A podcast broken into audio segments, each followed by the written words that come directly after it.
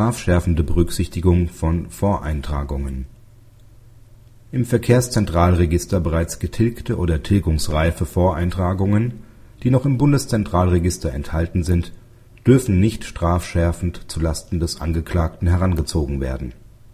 Der Angeklagte war wegen Trunkenheit im Straßenverkehr verurteilt worden.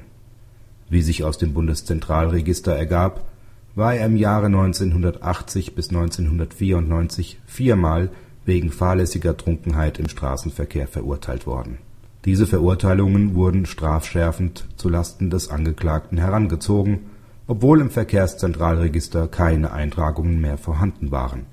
Auf die Revision des Angeklagten hob das Oberlandesgericht das angefochtene Urteil im Rechtsfolgenausspruch auf. Es verwies darauf, dass vor dem Hintergrund, dass die Vorverurteilungen im Verkehrszentralregister bereits getilgt waren das Verwertungsverbot des § 29 Absatz 8 Satz 3 Straßenverkehrsordnung eingreife. Praxishinweis Die Tilgungsfristen des Bundeszentralregisters und des Verkehrszentralregisters können auseinanderfallen.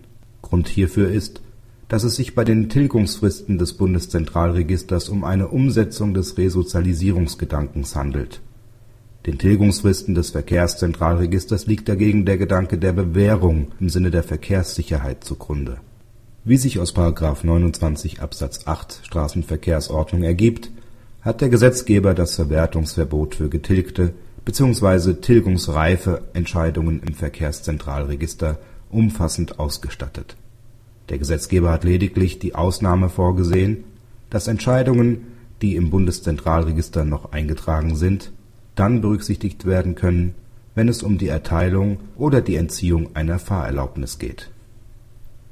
OLG München Beschluss vom 20.12.2007 4 ST RR 222 aus 07 Beck RS 2008 00277